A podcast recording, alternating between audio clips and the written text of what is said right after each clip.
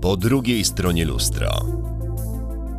Na rynku rybnym słudzy ułożyli ogromny stos. Około godziny 9 rano wyprowadzono skazaną z więzienia i w asyście zbrojnych doprowadzono na miejsce kaźni. W oczach Anglików czaiła się drwina. Niech jej teraz pomogą Archanioł Michał, święta Katarzyna i święta Małgorzata. Wszak to z ich podpuszczenia miała wiosną 1429 roku napisać Królu Anglii i ty, książę Bedford, którzy nazywacie siebie regentami Królestwa Francji, spłaćcie swe zadłużenie królowi nieba, oddajcie dziewicy, która jest wysłanniczką króla niebios, miasta, które zdobyliście przemocą we Francji. Czyż nie było to z jej strony aktem najwyższej szatańskiej wręcz pychy? Ona, prosta chłopka, bez krztyny pokory w lipcu tego samego roku skierowała do księcia Burgundii pismo, w którym komunikowała: Modlę się za ciebie, pokornie cię błagam, abyś nie wszczynał więcej wojny ze świętym królestwem Francji. Wycofaj szybko swych ludzi z okupowanych obszarów i fortec.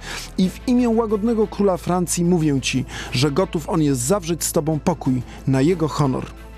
Gdy wreszcie wpadła w ręce sprawiedliwości, aby zgodnie z prawem boskim i ludzkim odpokutować za diabelskie konszachty, zapytana, czy jest w łasce Bożej, sprytnie jak na czarta ukrytego pod postacią niewiasty odrzekła: Jeżeli nie jestem, Bóg mi może jej udzielić, a jeżeli jestem, Bóg może mnie w niej utrzymać.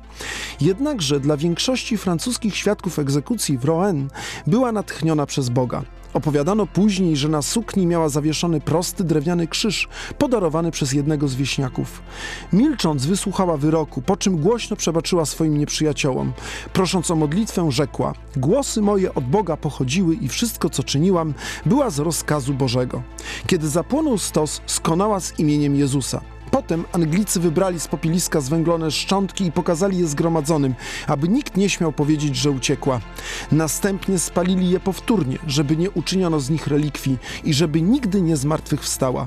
Popiół wrzucono do sekwany.